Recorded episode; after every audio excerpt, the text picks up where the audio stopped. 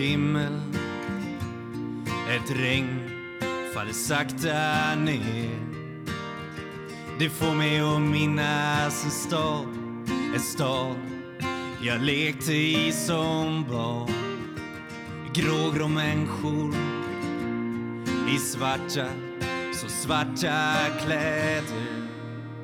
Men jag minns sorglösa dag Ett vackert minne som alltid finns finns kvar Stockholms gator och torg Ett liv så långt ifrån sorg ba, ba, da, da. Ba, ba, da, da. Ba, ba, da, da, da, da, da, da, da. Ba, ba, da, da. Ba, ba, Ja, hej och välkomna till Beroendepodden avsnitt 30. Mitt namn är Anneli. Välkommen till er som lyssnar för första gången. Eh, och välkommen tillbaka till er andra. Ni undrar säkert vad det är för en podcast och det är en podcast om alla sorters beroende, missbruk, medberoende och psykisk ohälsa. Ehm, så det finns ju rätt så mycket att prata om. Och jag som driver podden lever själv som nykter alkoholist sedan snart nio år tillbaka. Och eh, jag är en beroende människa men alkohol är min huvuddrog. Vill man lyssna mer och veta mer om mig så kan man lyssna på avsnitt ett.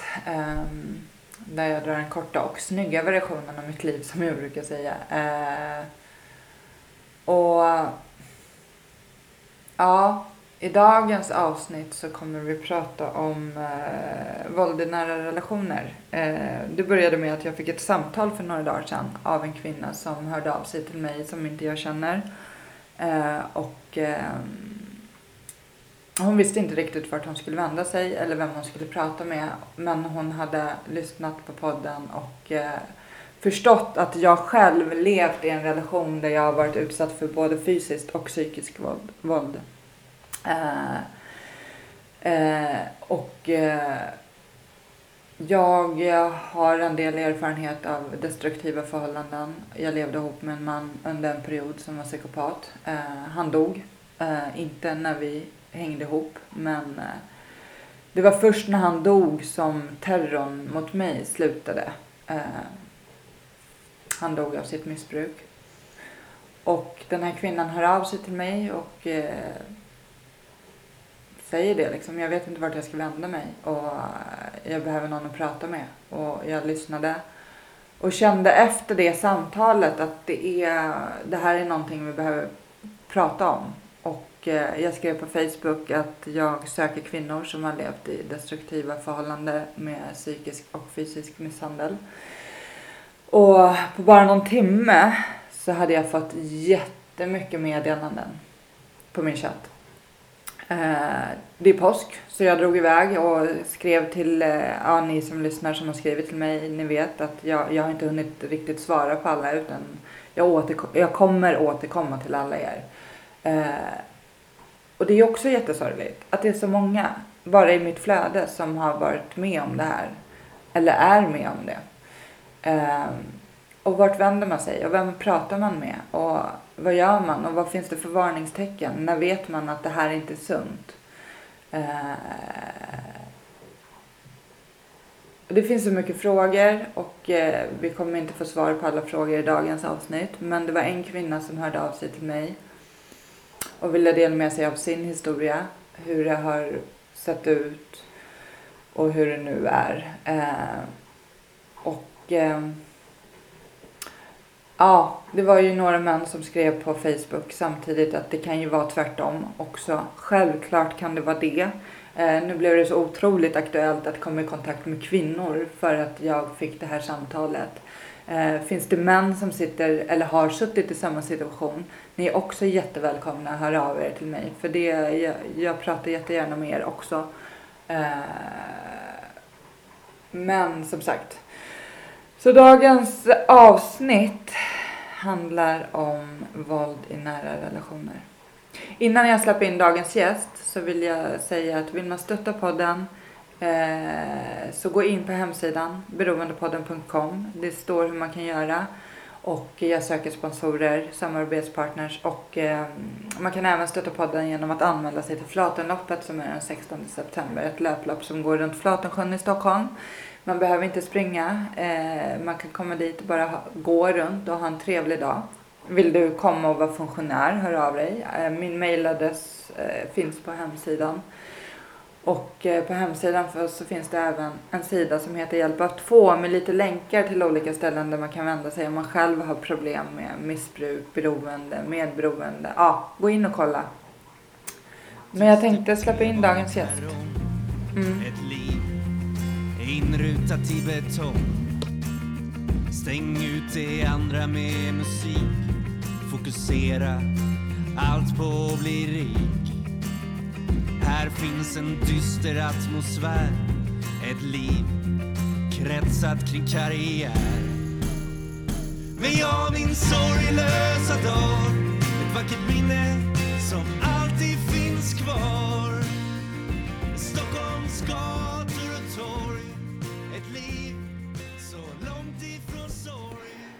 Ja, hej och välkommen hit Livia Tamlind.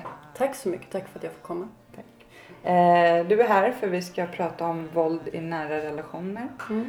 Ehm, och eh, det här samtalet blev ju, eller den här intervjun blev rätt så eh, Spontan.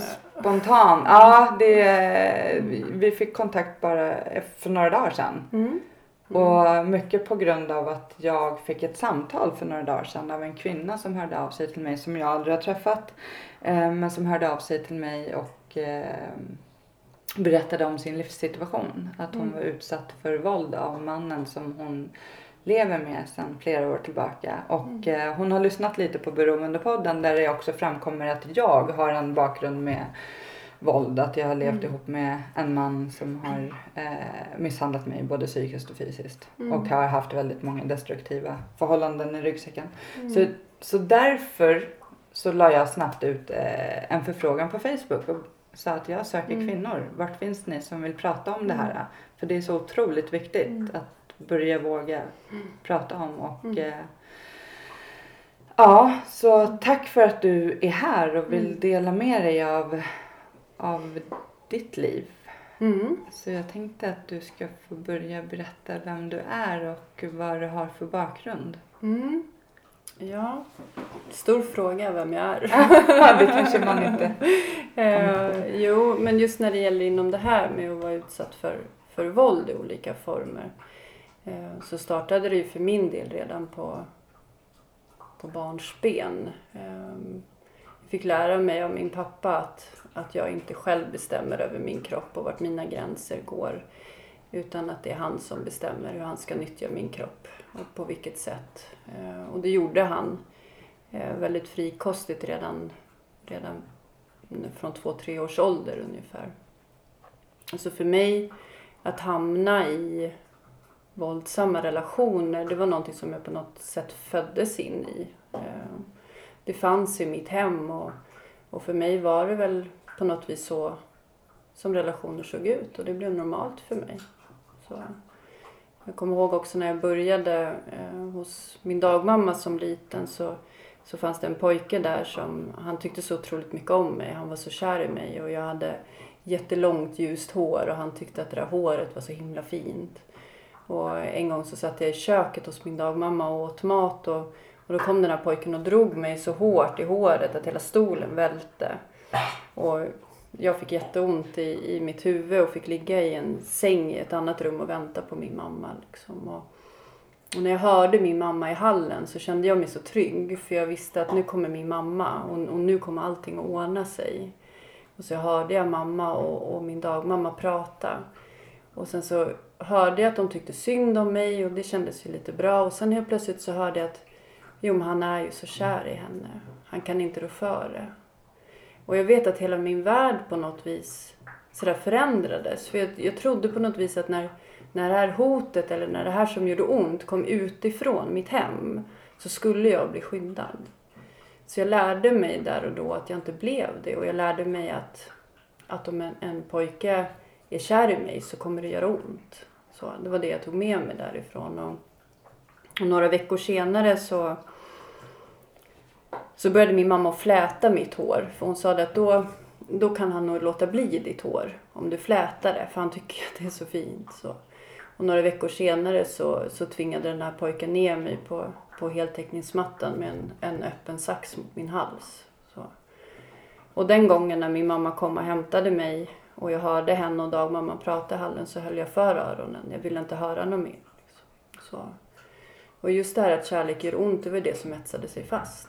Och sen växte jag ju upp och blev äldre och så skulle jag ut och träffa, träffa killar och, och bli ihop med någon och helst hitta någon som påminde om Kurt Cobain för att det var han som var coolast på den tiden. Sådär. Och det gjorde ju vi via Heta linjen. Och Mm. där var det ju liksom män i, ja jag vet inte, men, men väldigt många år äldre än vad vi var i alla fall. Som liksom flåsade och var nöjda om vi ljög och sa att vi var 15. Liksom. Så det gjorde jag. Och träffade en kille och satt på pendeln med honom ut till Tumba och, och hade lovat att jag skulle ha sex med honom. Liksom. Och sen när den här verken i magen kom, liksom, att nej men gud jag vill inte det här, jag vill inte, jag vill inte.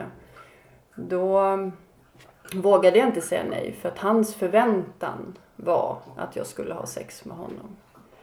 Och sen när jag kom upp i hans lägenhet och jag blev så pass rädd att jag i alla fall sa nej så var ju inte det någonting han lyssnade på utan han våldtog mig och misshandlade mig väldigt grovt. Ehm, och det var ju också bara en... Det låter så banalt men det var ju på något vis en påfyllnad på det jag redan visste. Att om en man vill ha sex med min kropp så har han rätt att ha det. Så. Och att det gör ont. Ehm, så för mig var det den enda sanningen på något vis. Jag visste inte. Visst hade jag sett alla filmer på tvn där det såg lite romantiskt ut och det var lite blommor inblandat och så. Men, men min vardag var ju inte på det viset. Ehm, och när jag var 14 år så, så började jag bedöva mig själv då med droger och jag hamnade uppe på stritan.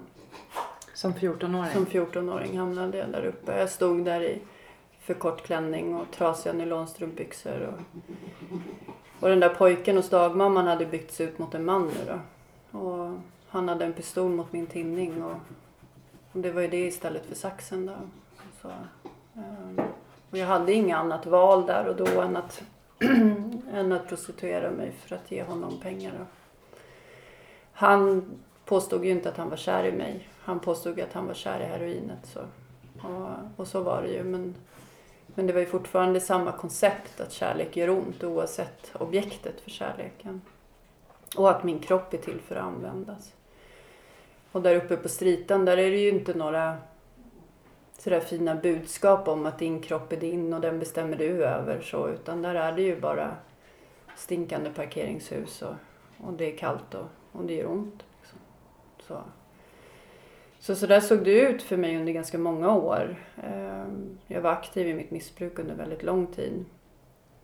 När jag till slut blev drogfri så, så var ju det där också väldigt hårt etsat i mig hur relationer ser ut. Ehm, och jag träffade min yngsta dotters pappa ehm, på ett tillfrisknande möte. Och jag tänkte sådär, så fort jag såg honom så tänkte jag så här, hjälper han ser arg ut, honom ska jag hålla mig borta ifrån. Och sen i pausen så gick jag fram och bjöd honom på en cigg och frågade om vi skulle ta en fika. Mm. Det var enkelt på något Mm. vis. Och, och han bytte ju liksom bort drogen som jag inte kunde använda längre. Så. Ehm, den relationen var ju väldigt, väldigt kortvarig. Vi var tillsammans i en och en halv, två månader kanske.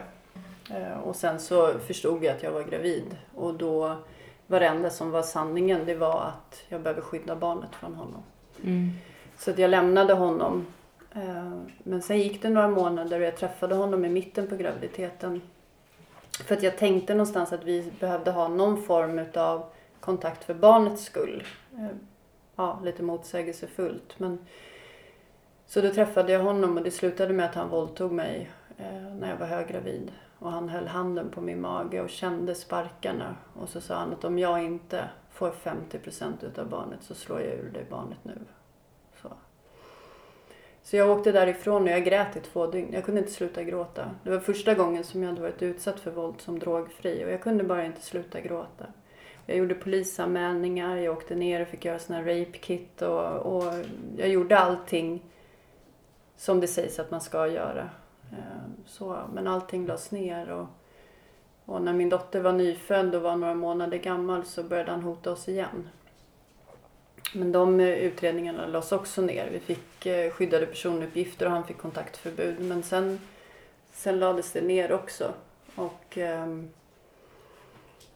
och när de skyddade personuppgifterna gick ut så ansökte jag inte om några nya för jag tänkte att han har väl ett annat liv nu. Så. Ehm, och då dröjde det ett och ett halvt år och sen hörde han av sig igen. Och Eh, den här gången hade han blivit ännu sjukare och, och skaffat sig vapen och, och gått med i olika gäng. Så det slutade med att jag fick göra nya polisanmälningar och eh, polisen gjorde en riskanalys vilket slutade i att vi hamnade på ett plan eh, iväg till en skyddad kvinnojour. Och eh, där satt jag med min dotter som var fyra år då, gammal. Och det var en av de tyngsta perioderna i hela mitt liv. Eh, jag var så skyddslös. Jag hade mitt barn som jag behövde skydda och jag visste inte hur jag skulle skydda henne. Eh, till slut så hamnade vi på Alla Kvinnors Hus i Stockholm där vi fick eh, fin hjälp, jättefin hjälp att komma vidare. Och jag träffade en annan kvinna på Alla Kvinnors Hus och jag tror just att relationen som jag fick till henne var helt avgörande för att jag skulle klara mig överhuvudtaget. Vi bodde i lägenheterna mitt emot varandra och våra barn är i samma ålder. Och och vi lyckades göra alla de här vardagliga sakerna hanterbara samtidigt som vi båda var livrädda för våra liv. Så. Och eh, den här mamman, hennes barn, eh, hennes barns pappa ansökte tingsrätten om att få bevakat umgänge med barnet. Vilket han fick under tiden hon var på det här skyddade boendet. Så hon fick alltså ta sitt barn i handen låsa upp grinden som skyddade oss, åka tillbaka till orten hon hade flytt ifrån för att träffa den här pappan med sitt barn. Och de som skulle skydda barnet ifrån den här mannen var två socialassistenter. De löste säkerhetsfrågan genom att mamman och dottern fick gå tio minuter innan honom. Så. Mm. Om inte barnet behövde kissa eller krånglade med skorna för då blev det fem minuter tidigare. Så. Så det var en ren katt och råtta-lek med, med en fyraåring som insats. Och så där var det mycket. Vi var väldigt utlämnade till vilka personer som hade hand om, om ärendet. Så. Eh, men vi hittade varandra och vi, eh, vi stod där och, och sjöng töntiga sånger och, och, och stampade potatismos och försökte komma på nya namn till mig och mitt barn. Då. Um, så på något vis så försökte vi väl att skapa en, ja, en verklighet i någonting som kändes som plockat ur en film. Det var så overkligt som det kändes. Sen hamnade jag och min dotter i, på hemlig ort. Um, och när vi kom dit så... Jag hade förlorat allting. Jag hade förlorat mina andra barn. Jag hade förlorat alla mina vänner. Ingen visste vart vi var någonstans. Jag hade inte våra saker. Eh, jag visste inte ens hur man åkte bussen på den här orten. Jag visste inte hur jag tar mig till affären. Eh, jag visste ingenting. Jag hade ingen aning. Och där stod jag i en kris och med ett barn som var i en kris. Och jag var livrädd. Och sen visade det sig att, att, att grannen under oss hade kopplingar till det här gänget som, som hennes pappa var med i. Mm. Så, så, så att vi var otroligt utlämnade. Um, och vi blev till slut hittade. Det som jag hade önskat där och då, det var just det att jag hade fått hjälp med att, att komma på en historia. Vilka vi var, var vi kom ifrån, vad vi gjorde på den här orten. För vi stack ju ut. Vi hörde ju inte hemma där. Och, och jag hade inte tillgång till, till det. Jag fick inte den hjälpen. Och, och min hjärna var fortfarande så pass dimmig att jag hade inga annat svar än att nej, vi lever under skydd. Så. Och det är ju det största felet som jag mm. skulle kunna säga. Så. Um, så vi blev hittade till slut. Och uh, fick fly igen. Så. så nu lever vi på en annan ort. Då, som... Och här har vi fått vara i fred uh, än så länge. Vi fick ju skyddade personuppgifter igen och mm. han har också haft kontaktförbud igen. Um, och eh, nu går våra skyddade personuppgifter ut. Och eftersom de har fungerat i kombination med att vi har bytt ut alla våra namn så har jag ju valt att ansöka om förlängning. Så för att nu har vi äntligen fått landa. Min dotter går i skolan, hon har vänner, hon går på dans, hon, hon har Eh, ett tryggt nätverk runt sig idag och det är otroligt uppslitande för henne att behöva bli flyttad och för mig med såklart. Så då har jag ansökt om nya, att få det förlängt. Vilket jag får avslag på för att det finns ingen konkret hotbild idag. Det har inte kommit in några nya hot. Och jag försöker ju mena på att det är ju för att systemet fungerar. Men det hjälper inte. Så att, så att riktigt vad som händer framåt vet jag inte. Men, men jag vet att jag har en klump i magen när jag går och lägger mig. För snart så kommer han veta vart vi lägger huvudet på kudden när vi går och sover. Och hur länge sedan var det som det hördes, han hörde av sig sist? Eller liksom? Ja, det är två år sedan vi fick fly sist. Mm. Mm. Så min dotter var, var fyra då hon är sex nu, fyller sju. Mm, ja, mm, Mm. mm. Men jag tänker när du växte upp och det du var med om, eller det din far gjorde mot dig. Mm. ehm, var det din- mor, var det ingen som märkte något eller? Jag har pratat med min mamma om det efteråt. Vi har en fin relation idag, jag och min mamma. Och det är jag jätteglad för. Ehm, Jag har pratat med henne om det efteråt, eh, nu som vuxen. Och nu, nu, nu tror jag att hon delvis klarar av att själv se hur det faktiskt såg ut. Eh, och jag har pratat med andra vuxna som fanns runt omkring. Eh, och de säger att jo men vi förstod hur det var. Fast ingen gjorde någonting. Så. Eh, sen vad det står för, det vet jag inte. Så. Men min mamma har ju, har ju också såklart råkat väldigt illa ut för min pappa. Så hon har ju också levt i en, en våldsam och destruktiv relation med min pappa i, i 40 år. Så, Mm. att, så att det är klart att hon också var påverkad utav det. Och jag tror ju ändå någonstans att, att hon försökte skydda mig så gott hon kunde. Det var alltid hon som var hemma när jag var sjuk. Det var alltid hon som la mig och så vidare. Men sen gick ju hon och la sig i badet när jag hade somnat. Och då hade ju min pappa sin chans. Så. Så att, ehm, men jag har varit väldigt besviken på min mamma och arg att hon inte skyddade mig. Men idag som kvinna så kan jag ju kanske se det på, på ett annat vis också. Mm. Mm. Och under den perioden som du, alltså du var ju så ung när du började missbruka och prostituera dig. Mm. Hur såg det ut då med omgivningen? Så jag blev utslängd hemifrån då när jag var 14 av min pappa. Han sa Okej. att droger förekommer inte innanför våra dörrar så att du får inte vara här. Och då Mm. hade de ju haft en, ett par år där de hade skjutsat mig till barnpsyk och, och sådär. Hade väl försökt på, på sitt vis. Men sen klev, när, när samhället klev in så var det ju mycket, ja, jag blev inlåst på, på paragraf 12 hem och, och olika ungdomshem och jag var på Maria ungdom och jag var på, på barnpsyk och sådär. Men jag slussades liksom bara emellan för då delade man ju upp det väldigt mycket. Det var ju antingen så var man narkoman eller så hade man psykiska problem. Och jag hade ju såklart då både och. så Mm. givetvis. Och då visste de nog inte riktigt vad de skulle göra av mig. Men så är det nog lite fortfarande känns det som. När Mm. man lyssnar på folk. Mm. Ja, det är hemskt ju. Mm. Att det inte har kommit längre. Jag är ganska gammal nu. Mm. så. Mm. Mm. Men, eh, och de här männen som du träffade när du var på gatan då. Mm. Hur, hur mycket äldre var de? Alltså det är så svårt att förstå. Alltså, Många var mycket, mycket äldre. De var ju oftast i min pappas ålder. Nu är det ju jättesvårt för mig också att uppskatta för jag var ju så ung så jag tyckte att alla var gamla. Alltså Mm. det vet jag ju nu. Men, men det var ju, nej men alltså det var ju, det var ju gamla män med familj och villa och Volvo och, och, och skägg och tjock mage liksom. Så det var ju män i 40, 50, 60 års åldern. Det var det. Definitivt. Och då var jag 14. mm. Mm. Och sen träffade du eh, din dotters pappa och första Mm. tanken var att honom ska jag hålla mig borta från. Ja, precis. Precis. Så var det. Men det var ju också någonting igenkännande i honom.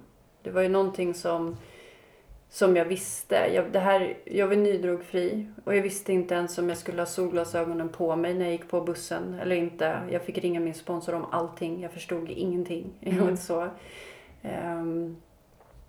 Eh, så, att, så att träffa honom som var väldigt bekant, det var väldigt enkelt Mm. för mig. Jag visste, jag vet hur man handskas med de här männen. Jag vet hur jag ska göra, jag vet vad som förväntas av mig. Och det blir den här motorvägen på något vis. Liksom. Mm. Jag tycker inte om det, men jag vet i alla fall hur man gör. Mm. Och sen hade jag någon också någon sån här bild. Jag var väldigt... Jag har levt så hårt. Och, och mitt skal och min mur var så oerhört hård. Hela jag var väldigt hård. Så att, så att för mig, jag tyckte på något vis att ja, men jag är ganska bra på det här. Så, jag är bra på att handskas med det här. Så tänkte jag. Fast jag hade ju glömt bort då att nu skulle jag ju vara drogfri. Mm. Och sen så har, har man kanske inte något annat, alltså man vet ju, vi pratade ju om det innan vi satte Mm. på. Det här är något jag pratar mycket med andra vänner också som hamnar med destruktiva, i destruktiva förhållanden. Så här. Mm. Det är ju att man, alltså när det är ont kopplar vi Mm. till kärlek. Mm. Eller det är så här, men det är så det känns att Mm. vara i en relation liksom. Mm. Eh, och som jag sa till den här kvinnan jag pratade med häromdagen. Det är att gör relationen ont, Mm. då är den inte sund. Nej. För att Nej. en riktig sund Mm. relation gör Mm. inte ont. Nej. Nej. Och hur ska man veta det om man aldrig upplevt det? Och om Mm. man är född in i en värld Mm. där eh, kärlek visas med, på det sättet Mm. liksom. Mm. Nej, absolut. Verkligen. Jag tänker på det nu när du pratar om det också. Jag, jag trodde länge att när jag fick den här knuten i magen, när det gjorde sådär jätteont så det liksom strålade mellan gärdet, då trodde jag att jag var kåt. Mm. För det var liksom, det var så sammankopplat, liksom rädsla med sex. Det var så sammankopplat. Fast nu idag så förstår jag att det handlade ju inte om sex utan det handlade ju om våld, sexuellt våld. Och det var ju inte så att jag valde att ha sex utan jag var utsatt. Men det var så ihopkopplat liksom. Och det är ju också någonting som idag, eh, det är ju sunt att känna en sexuell attraktion. Mm. Men, men så fort jag känner det så gör det ont. Så för mig att koppla ihop kärlek med sexuell attraktion med att det gör ont och att jag blir rädd. Det, det var bara naturligt för mig. Och det är ju någonting som jag får ge vakt på nu också. Mm. Så är det ju. Så är det ju. Mm. Hur, eh, din andra barn, hur har du kunnat ha kontakt med dem nu eller? Mm, nu har vi kontakt. Mm. Ja, det har vi. Nu, Mm. nu eh, träffas vi. Mm. Mm. Mm. Och hur ser livet ut idag annars? Liksom, nu sitter du i den här eh, situationen där du inte vet vad som händer riktigt. Men. Hur eh, mår du och hur funkar det? Och hamnar du i de situationerna igen? Mm, det gör jag. Jag har precis avslutat en relation eh, som har varit fin på många vis men också som har innehållit mycket av det här med kontroll och svartsjuka och isolering och maktorientering ifrån mannens sida. Ehm, inte lika blint fysiskt våldsam på det viset. Ehm, så därför har jag samtidigt som jag har känt mig oerhört otrygg så har jag också känt mig trygg för han har också varit den som ska skydda mig mot min dotters pappa. Mm. Så det blir också en, en, en obalans i, i maktsituationen där.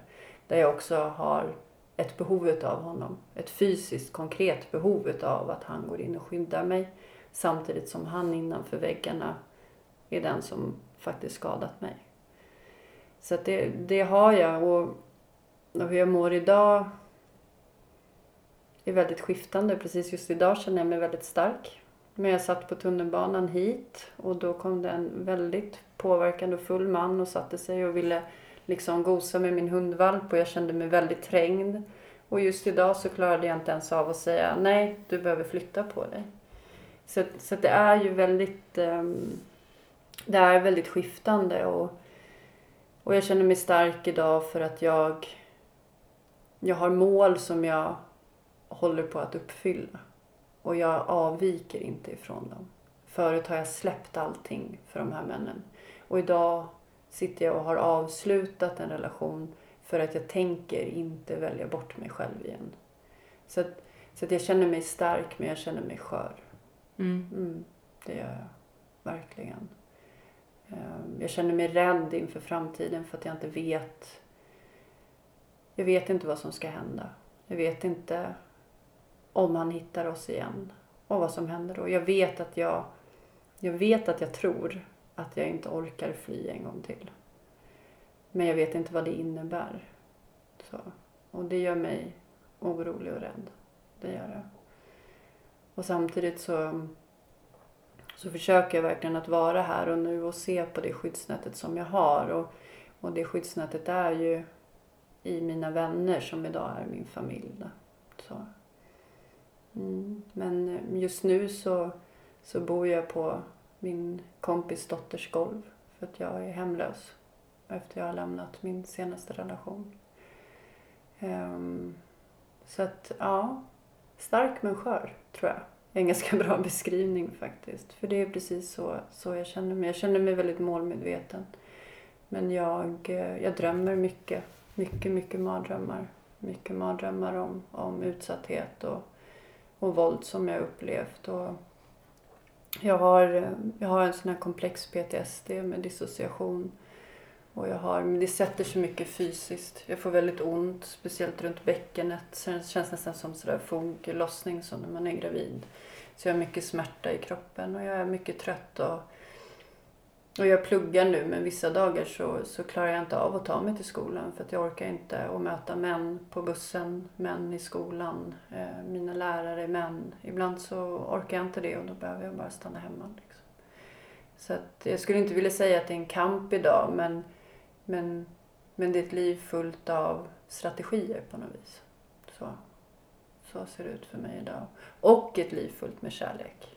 Alltså det, för det vill jag verkligen säga också att, att, att mitt liv är, jag är oerhört rik. Jag är oerhört rik. Och jag, det blir så tydligt nu också när jag lämnat den här sista relationen där jag kände mig så otroligt ensam under så lång tid. Jag var så ensam så att jag kände att han var mitt enda alternativ. Och sen så kliver jag bara ur relationen och sen så står alla mina vänner där. Så att jag är, jag är jätterik på, på, på vänner. Och det gör att jag känner mig oerhört trygg och, och kan också förmedla det till mina barn också. Så att jag har, jag har det bra. Mm. Det har jag. Ja. Och du har ju varit eh, nykter och drogfri i många år. Ja, åtta år nu i sommar. Mm. Ta i trä. Ja, Ja, det är grymt. Ja, det är det är grymt. jätte... Ja. Eh, Men jag tänker, om man sitter i den här sit- situationen ehm, när man är utsatt. ehm, Alltså det där samtalet jag hade, det, det blev så mycket, jag fick så mycket frågor. Jag kände jag hade liksom inte svaret på alla frågor. Mm. Även om jag själv har varit utsatt så kände jag så här, men gud. Och, och vad gör man? Och,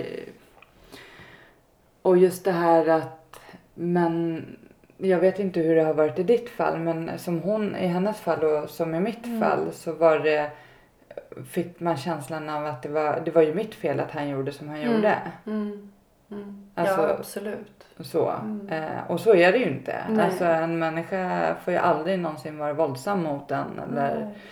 Varken verbalt. Alltså psykisk eh, misshandel kan ju vara lika Mm. jävlig som fysisk misshandel. Oh ja, nästan värre på Mm. något vis kan jag känna. För när det fysiska våldet kommer då tar det ändå slut på något sätt. Mm. Så. Men det här psykiska, det tär ju sönder. Alltså jag var, innan jag, innan jag träffade min senaste relation så var jag jättestor. Alltså jag var, jag var jättesocial och jätteutåt och jag hade massor med, jag gjorde yoga varje dag och jag bara blomstrade.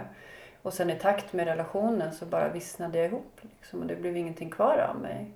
Så, och nu behöver jag ju igen bygga upp det och det är ju den här psykiska misshandeln. Det är ju den här isoleringen och, och att få höra massa saker om, om mig själv som i början tänkte jag att men gud, han är ju inte klok. Var har han fått det där ifrån? Det där är ju inte mig han pratar om. Och det kunde jag ju också säga. Men ett halvår, ett år senare in i relationen så har ju hans ord letat sig in och så är det någon form av sanning. Att helt plötsligt så är jag olojal, helt plötsligt så är jag helt galen. Och, alltså, och så vidare. Allting nu som han, han kunde säga liksom, när han blev arg eller frustrerad eller svartsjuk. Liksom. Så att det är klart att den psykiska misshandeln Det farliga med det fysiska är ju såklart att det kan vara dödligt. Och det får vi ju inte glömma. Så, så att, att säga att den psykiska misshandeln är värre är väl, är väl fel på det viset då. Men, men samtidigt så den psykiska misshandeln lägger ju också grunden för att den fysiska ska kunna existera. Och, och den psykiska är också svår att ta på. Vart går gränsen? När har han bara en dålig dag? Eller är det bara jag som är känslig? Eller var det mitt fel för att jag reagerade så hårt på det där? Eller borde jag kanske ha varit mjukare och mer tillåtande? Alltså gränsen mellan vad som är okej okay och inte okej okay kan vara svår att sätta själv. Så om man inte vågar lita på den här känslan som du pratade om, att gör det ont så är det inte sunt. Mm. Så. Det tycker jag är det farliga just med den psykiska misshandeln. Mm. Och hur man flyttar gränserna. Ja. Så här, från vad som är okej. Okay. Mm. Jag vet ju så här, alltså jag har ju alltid dragits till dysfunktionella förhållanden men de Mm. har ju inte varit våldsamma. Alltså det Mm. kan ju vara dysfunktionellt på Mm. olika sätt. Men sen hamnade jag helt plötsligt i den här våldsamma relationen. Mm. Och, och, liksom, och jag har, var sån här, jag bara, jag ska, jag ska aldrig vara i ett sånt förhållande man hade sett någon kompis som hade Mm. hamnat med någon sån Mm. kille liksom. Mm. Och så helt plötsligt satt jag där själv Mm. liksom och förstod för det första inte hur det gick Mm. till Mm. alls liksom. Nej. Så här, hur hamnade jag här? Eh, men sen också hur man flyttade gränserna från vad som... Mm. Jag tror det där du säger också är väldigt intressant just där. Jag skulle aldrig vara i en sån här relation. Nej. För det är också lite det här att skamma, även om du kanske inte sa det till kvinnan. Men det är ju ändå så i sig själv just det här att ja, jag skulle dock Nej. aldrig hamna i det där. Nej. Så sen när vi väl hamnar i det. Mm. Då finns ju den där skammen redan liksom. Mm, mm. Den, den är liksom redan cementerad i en. Att aha, okej nu blev jag en sån som hamnade i det här. Och då blir också tankarna till en själv blir också väldigt låga. Mm. Och där tänker jag alltså då så fyller mannen i med sina låga tankar om en själv och sen så hakar det där liksom i sig så det blir någon, ja, någon dissidans på något vis liksom Mm. som bara går snabbare och snabbare. Mm. Mm. Ja men det har du absolut rätt Mm. i. Mm. Eh, och den skammen Mm. Som eh, bara blir värre och värre. Mm. Mm. Men eh, hur, eh, om man sitter där, vad, vad ska man göra? Mitt i den akuta. Ja, för, jag, jag, för mig var det ju bara så här, jag bara, du måste Mm. lämna honom. Ja. Alltså du döljer dina blåmärken, Mm. du, du och det vet. kanske inte är så lätt Nej, och, att bara lämna. nej. Nej. och det vet ju jag också som Mm. satt där. Mm. Men, Mm. men det är liksom Mm. så, Jag tror att det är viktigt framförallt att dokumentera. Skriv. Skriv på Messenger, skriv på sms. Berätta för andra människor. Välj ut några som orkar lyssna. För man behöver också kanske försöka vara lite rädd om sina vänner. Men om man vet att man har människor som orkar. Så skriv och sen lämna över. Ta kort på blåmärkena och skicka över det på Messenger till exempel. Och radera sen från din sida så att det inte finns kvar på din historik på Messenger. För att då har fortfarande din vän kvar det. Men du har inte kvar det. För du kan ju Mm. råka illa ut om, om din partner ser det. Så det är väl det första just att dokumentera och att skriva. Skriv en dagbok om det finns möjlighet att gömma så att han inte hittar den. För din egen skull. Men också om det senare skulle visa sig att du väljer att göra en polisanmälan. Så det är det. det borde ju finnas, jag vet inte, men jag bara tänker om det finns något pro program he- på datorn man kan ha och skriva där det inte syns. Det måste ju finnas Det beror ju också på vad din partner har för kunskaper. Många, nu säger jag inte att alla män har det, men många män är ju oftast väldigt intresserade kring just de här olika programmen när det gäller Ja. datorerna. Så det kan ju finnas en risk i det. Ehm, Så därför är det ju bra om man skickar över och sen raderar från sin sida. Då. Ehm, Men då behöver man ju också göra upp det kanske med sin vän, att man vet att det faktiskt finns kvar. Ehm, Eller skriva dagbok om det finns något ställe där man kan lägga den där det också är säkert att den inte hittas. Mm. Och sen att ha en plan. Om det riktigt brakar loss, vart ska jag ta vägen? Vem ringer jag? Vad behöver jag ha med mig? Att ha en akut väska packad. Jag har haft en akut väska packad under många år av mitt liv. Och det är ju ingen drömscenario.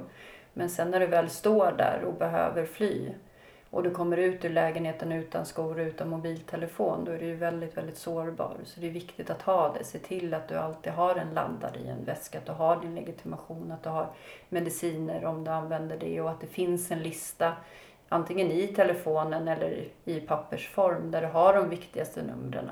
Som kan vara nummer till kvinnojouren, till um, Kvinnofridslinjen, till socialjouren, till polisen, vart du än nu behöver vända dig.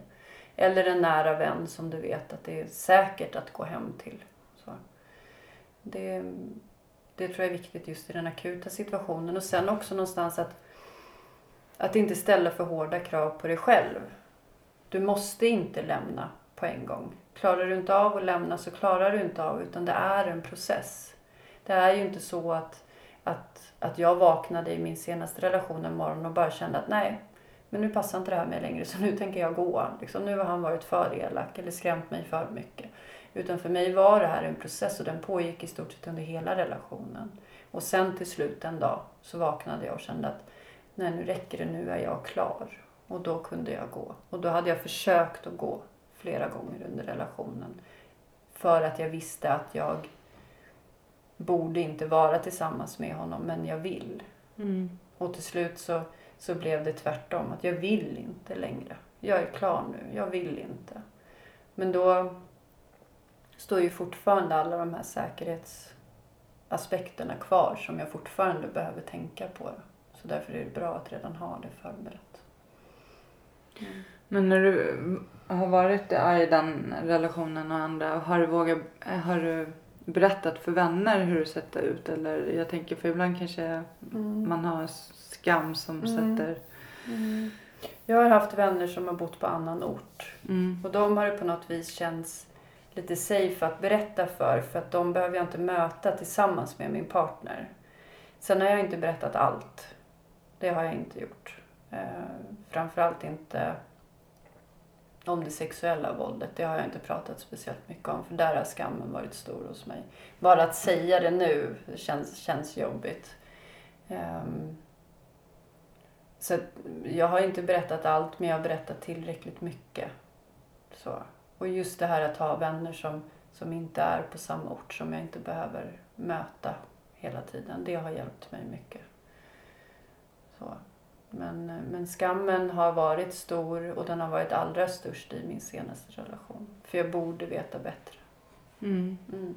Eller så är det mm. min hjärna säger till mig. Då. Och det är det jag är rädd att andra ska säga till mig också. Men det är det ingen som har gjort. Tvärtom. Utan alla säger att det här är inte ditt fel. Det ligger hos honom. Du är stark som har tagit dig ur det. Och jag hade en vän som jag skrev med igår som sa Du har tagit dig helskinnad därifrån. Och det är det enda du kan göra och det bästa du kunde göra. Och det sammanfattar det så himla fint. Jag tog mig därifrån. Så. Um, och det är det enda jag kunde göra. Det är mitt enda ansvar. Så. Och det har jag lyckats att göra. Mm. Mm. Men vad, du är ute och föreläser en del eller hur? Mm, jag har varit ute och pratat en hel del om, mm. om just min resa genom våldsutsattheten. Mm. Så har det varit. Eh, och tanken är ju att jag vill arbeta med de här frågorna. Mm. Och därför så pratar jag om mig för att sen i senare skede kunna prata om det mer allmänt. Mm om hur det ser ut i samhället och hur fungerar våld. Mm. Helt enkelt. Så. Mm.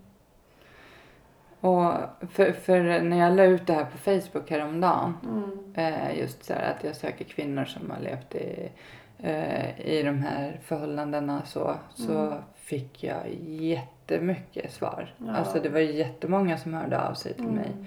Och det är ju otroligt mm eh, tragiskt. Mm. Så, men det är ju tyvärr så det kan se ut. Sen är det ju väl på olika liksom... Och modigt.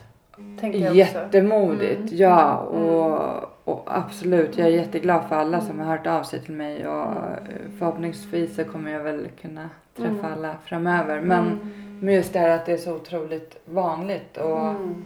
Och jag tror att när man sitter där, att just så här, att man tror att man är själv. Mm. Och det är man inte. Nej. Liksom, utan det finns många andra som mm. förstår och mm. just den här skammen som man har att den, det är lätt eh, för mig att säga så här, släpp den. Nej men alltså det är liksom, det är inte Mm. Eller tillåt den att vara.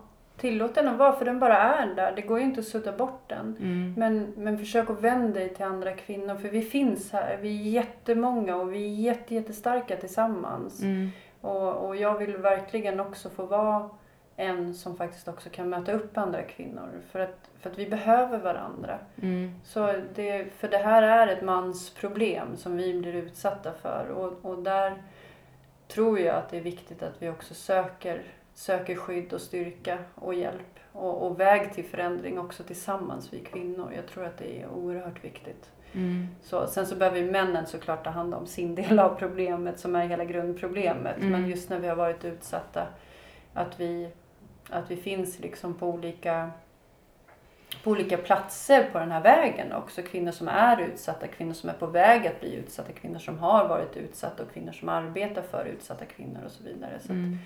så att det finns ju ett oerhört starkt nätverk utav, av starka, starka kvinnor. Så Mm. att vi är inte ensamma. Jag tänker bara på fattarrörelsen till exempel som Mm. är just det här med, med, med det sexuella våldet och gör en otrolig insats och en enorm inspiration. Liksom. Mm. Så det finns, det finns styrka i, i, i oss och Mm. till varandra.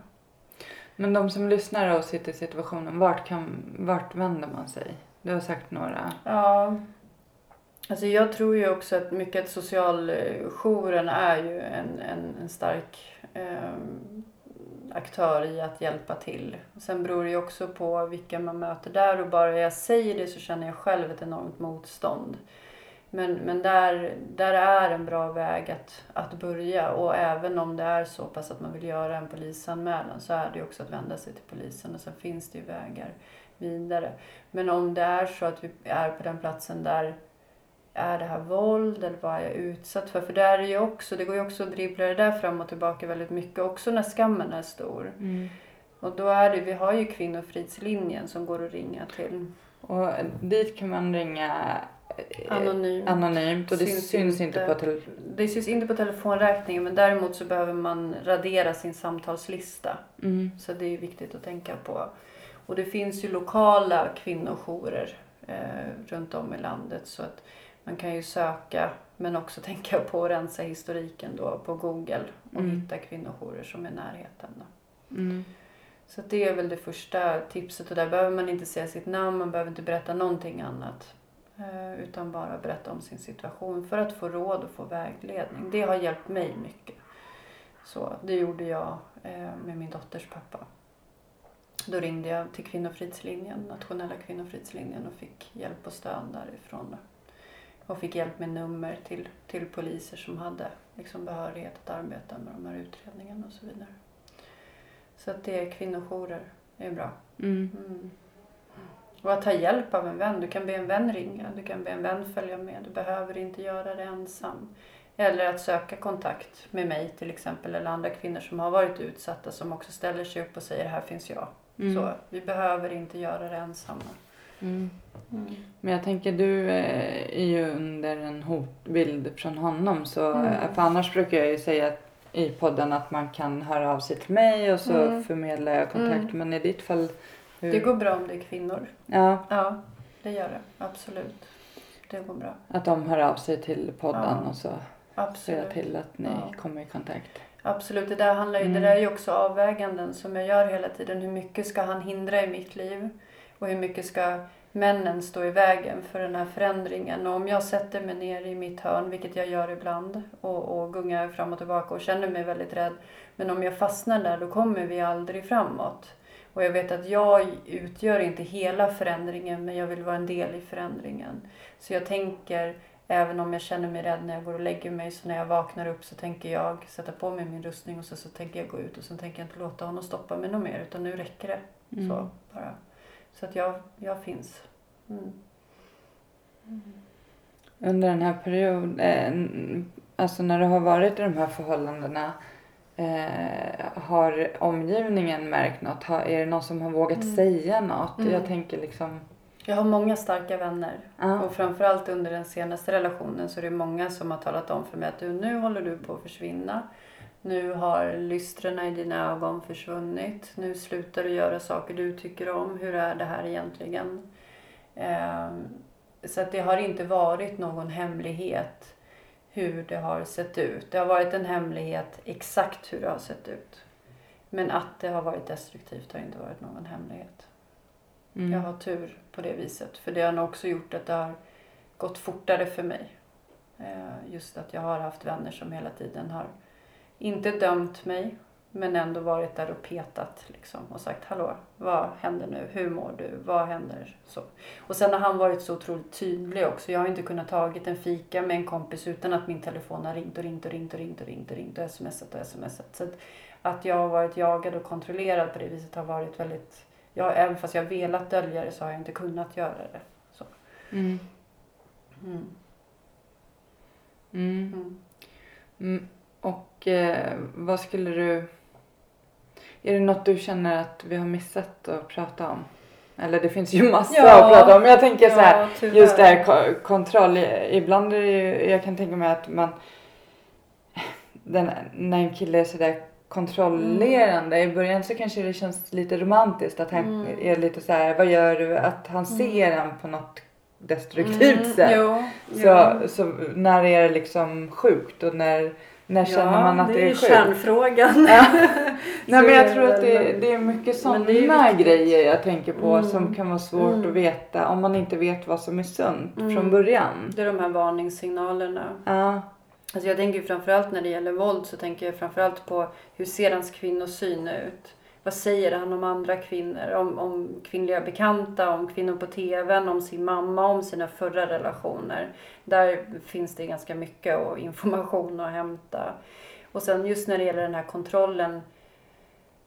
Okej att man ringer på kvällen och frågar sin partner hur har du haft det, vad har du gjort, har du haft det bra? Mm. Det är ju en omtanke och, och att man är intresserad. Eh, Min, min nuvarande ex-partner, han kunde dyka upp hemma hos mig vid sådana tider där han egentligen borde ligga hemma och var på väg att gå och lägga sig. Eh, Fast han hade sagt att vi inte skulle ses. Han stannade i två minuter och, och lämnade över någon godispåse och sen så gick han till Mm. exempel. Han ville alltid veta vart jag var, när jag skulle komma hem, vem jag skulle träffa, vad jag skulle göra. Och sen ringde han under tiden jag var iväg. Och det är ju ganska typisk kontroll. Mm. Liksom. Det handlar ju inte om någon omtanke om att, åh kom du hem bra? Mm. Och sen på slutet så ville han alltid köra mig, alltid hämta mig. Om jag nu kom iväg och skulle göra någonting utanför vår relation.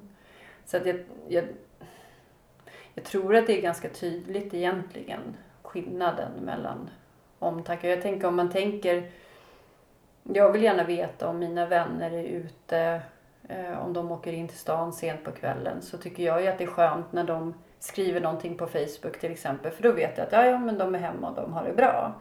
Och det räcker. Det är ju omtanke. Mm. Men när man hela tiden måste ringa för att kontrollera och du också märker att partnern blir, blir arg Mm. och irriterad om du inte svarar. Så det är en ganska bra varning. Mm. Mm. Hur, hur fort upptäckte du här senaste relationen då att det... Det började ju med svartsjukan. Ehm, Så där upptäckte jag det väl egentligen ganska fort. Men där fastnade jag i det där att jag tyckte att ja men gud vad han verkligen vill vara med mig då eftersom han blir så svartsjuk på, på, på mina Instagram-vänner. Som Mm. så. Ehm, Men, men jag kunde ju kanske inte riktigt förstå hur det skulle eskalera. Men där är det ju också det här som jag berättade om tidigare med min uppväxt och hur det har sett ut. Så, så när han började hota de här ytliga bekanta till mig med, med våld så, så fick jag lite ont i magen. Men jag tänkte att jo, jo, men om jag bara plockar bort de där som inte är så viktiga för mig så, så, så blir det nog lugnt. Liksom. Men sen letade ju det här sig längre och längre in från ytliga Instagramvänner till, till mina nära vänner som jag var tvungen att sluta umgås med för att skydda mina vänner. Liksom, för att det inte skulle hända dem någonting. Så att eh, det Ja, han hotar liksom med att skada dem. Ja, Mm. allvarligt. Mm. Och det gjorde ju att jag blev ensam. Jag fick Mm. plocka bort. Framförallt mina manliga vänner. Och, men då förstod du liksom att det här är också ett dysfunktionellt förhållande. Men, Mm. men du hoppades någonstans att det skulle... Han fångade upp mig så bra. Han sa hela tiden att Nej, men jag, ska, jag ska söka hjälp. Och, och jag ska göra mer utav saker som är bra för mig. Jag ska ta hand om mig. Eh, jag har gått in i en depression. Det är därför det har blivit så här. Och nu förstår jag jag, jag nu ser jag hur illa jag har gjort dig. Och, och nu, nu ska jag rätta till det här. Och sen så gjorde han det under några dagar, någon vecka. Så. Och då kopplade jag i igen eh, och lät mig vara i, i den känslomässiga bindningen till honom som, som jag hade. Och, och på sätt och vis fortfarande har. Jag älskar honom oerhört mycket. Jag var oerhört kär i honom och jag älskar honom fortfarande. Eh, men jag vill inte vara med honom längre för att jag vill inte att mitt liv ska se ut på det här sättet. Då. Men, men han var så bra i början på och under i stort sett hela vår relation att koppla in mig på det igen. Och Mm. väcka det här hoppet om att ja, men det kommer bli bättre. Och sen förändrade han när jag pratade för mycket om den här svartsjukan, att den var, var skadlig och att det faktiskt var våld. Då ebbade den ut. Men då kom det igen på andra ställen istället. Så att, så den här badbollen som man försöker trycka ner på något vis, att, att det går inte utan den hoppar upp liksom på ett eller annat sätt. Så, att, så att då bytte han sätt och han bytte formen utav våld. Liksom. Och, och det gjorde ju också att jag tänkte att jo, men svartsjukan blev ju bättre. Så då kanske den här kontrollen också kan bli bättre. Eller han slutade ju att frysa ut mig och använda sig av silent treatment. Som, så, att- så då kommer det här alltså så hela tiden det här hoppet om att det skulle bli bättre. Att han skulle bli den här mannen som, som jag blev kär i. Och som jag på något vis föreställer mig finns där inne. Liksom, som jag ska rädda. Och det pratar han mycket om också. Att du har gjort mig till en mycket bättre man. Men det är inte mitt jobb. Mm. Han har, säger att han har blivit bättre och större men jag har ju bara blivit mindre och mindre. Mm. Tröttare och tröttare. Mm. Vad var det som var så här, nej nu får det vara, ja du sa det att du vaknade Mm. upp en dag och kände, men var det något så här, Ehm, Ja, det var väl nog mycket av den här depressionen som han, han hamnade i som gjorde att jag, han fångade inte upp mig längre. Han orkade inte fånga upp mig. Så jag fick inte den här bekräftelsen och uppmärksamheten och det som, som jag också som människa behöver ha. mm. Ehm, och det gjorde att då, då dog mycket av det här hoppet. Jag tänkte mycket så här att ja, men ska jag vara utsatt för allt det här plus att inte få någonting för det på något Mm. vis. Liksom. och, och sen började han nog må bättre. Men då var jag, hade jag redan glidit iväg så pass långt. Liksom. Och, och, och sen försökte jag ett tag till men sen så och jag sa det, jag var jättemodig och sa det, jag vill att vi bor isär, vi provar så. Och sen vill jag, när vi har flyttat isär, då vill jag ta reda på hur jag vill ha det med den här relationen eller inte. Så, um, och, um, och det började vi prata om och han skulle flytta men han kom hem hela tiden. Och, och sen så hade vi det bra under någon vecka, väldigt, väldigt fint och jag vågade till slut igen sådär knyta an till honom. Men, men sen frågade jag hur går det, har du hittat någon annanstans att bo? Och då fick han panik och, och, och började skrika på mig och säga massa saker om mig som person. Och där kände jag att det, var, det, det blev droppen liksom. För att då, då blev hela min känsla att nej men det bara fortsätter. Det bara fortsätter liksom. Och jag, jag vill inte. Så. Så att det var en process under hela relationen på sätt och vis. Liksom, där jag ändå flyttade ihop med honom, förlovade mig med honom, skaffade hundvalp med honom och hade drömmar som jag närde på något vis. Även fast jag tryggade upp mig och visste att, att det finns en stor risk att det här kommer faktiskt inte hålla. Det kommer inte vara så att han, han kommer bli bättre. Och jag vet inte om jag var mest rädd för att behöva lämna honom eller om jag var mest rädd för att inte kunna lämna honom. Så, så att det var väl den sista bråket var kom, liksom, den sista konflikten var droppen som gjorde att att jag bara, nej nu är det bra. Nu, nu vill inte jag mer. Det spelar ingen roll vad du säger, det spelar ingen roll vad du gör utan jag, jag är över. Det är bra nu. Så, och där, där står vi nu. Mm. Mm. Eller jag gör i alla fall. Mm. Mm. Mm. Men ja, vi ska avrunda. Är det Mm. något du känner att du vill eh, säga som... Ja, alltså jag tänker framförallt på att det finns hopp. Och det går att komma ur relationen och det går att leva vidare. Och vi är inte ensamma. Det känns väldigt viktigt att det finns ett starkt ljus. Det är ju tunga saker som vi pratar om och det Mm. är tungt och det känns tungt i hela kroppen bara av att prata om det. Det jag skulle vilja säga faktiskt, ehm, det är också det här att för att när jag kom ur den där relationen som var som värst. Dels så sökte jag mig till nya destruktiva medvetet. Alltså Mm. för att min, min självkänsla den fanns ju inte då. Mm. Alltså jag, jag hade ju ett enormt självhat Mm. efter den relationen Mm. och tyckte inte jag var värd någonting. Och sen så har det ju varit en eh, lång väg då, man har, då jag har varit tvungen att bygga upp mig själv. Men det Mm. jag skulle vilja säga med min resa Mm. det är ju att, eh, och det är mycket därför, eller det är därför jag har startat podden. Det är för Mm. att visa att det går Mm. att få ett bra liv. Absolut. Och du vet, jag mår sjukt bra Mm. Idag. Jag älskar mig själv. Mm. Jag tycker om kvinnan jag ser i spegeln Mm. på alla plan. Mm. Mm. Och, och jag har inte ont och jag Mm. har inte mardrömmar. Och, alltså det är liksom Mm.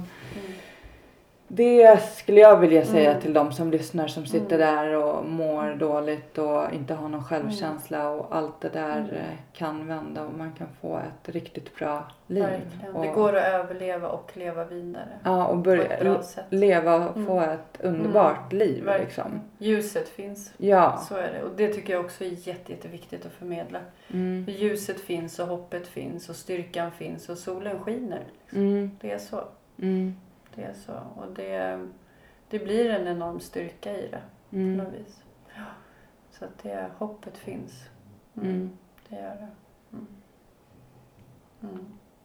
Och att det går, att ha, det går att leva ett liv i trygghet. Mm. Det finns ett liv i trygghet. Det finns ett liv på andra sidan där. Mm. Och i det livet så finns det trygghet. Mm. Det, det tycker jag också är viktigt. Just för att, att hitta orken att ta sig ur. Mm. Det är värt det.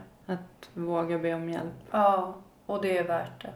Mm. Varenda, varenda skrämmande sekund så kommer det vara värt det. Jag Mm. lovar. Mm. Mm. Så ni som lyssnar ni är jättevälkomna att höra av er till podden. Så Mm. ser vi till att ta det vidare därifrån. Mm. Absolut. Mm. Tack så jättemycket att du kom och delade med dig. Det var jättefint. Och, Mm. ja, jag, Ja, tack själv det du delar med dig.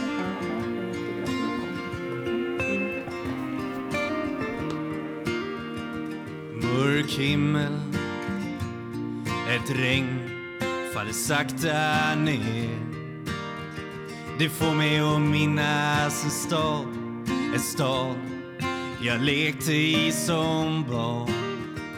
Grågrå människor i svarta, så svarta kläder.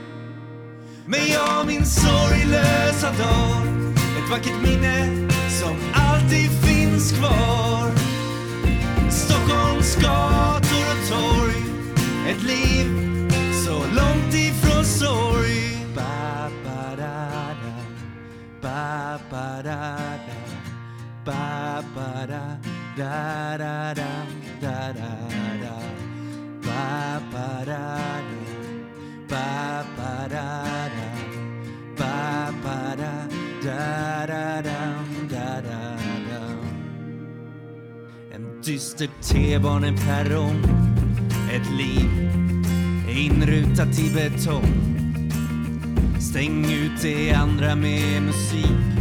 Fokusera allt på att bli rik. Här finns en dyster atmosfär. Ett liv kretsat kring karriär. Men jag min sorglösa dag. Ett vackert minne som alltid finns finns kvar Stockholms gator och torg Ett liv så långt ifrån sorg ba, ba, da, da. Ba, ba, da, da. Ba, ba, da, da, da, da, da, da, da. Ba, ba, da, da. Ba, ba, da, da. Ba, ba, da, da,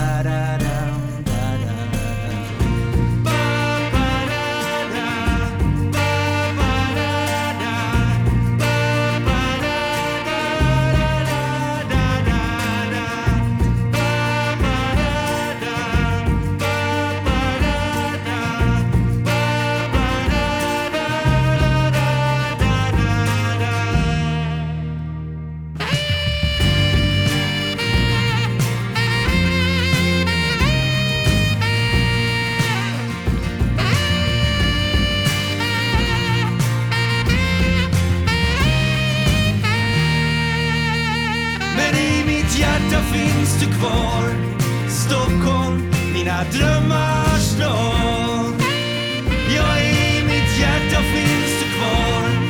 Stockholm, jag är ditt barn. Stockholm, jag är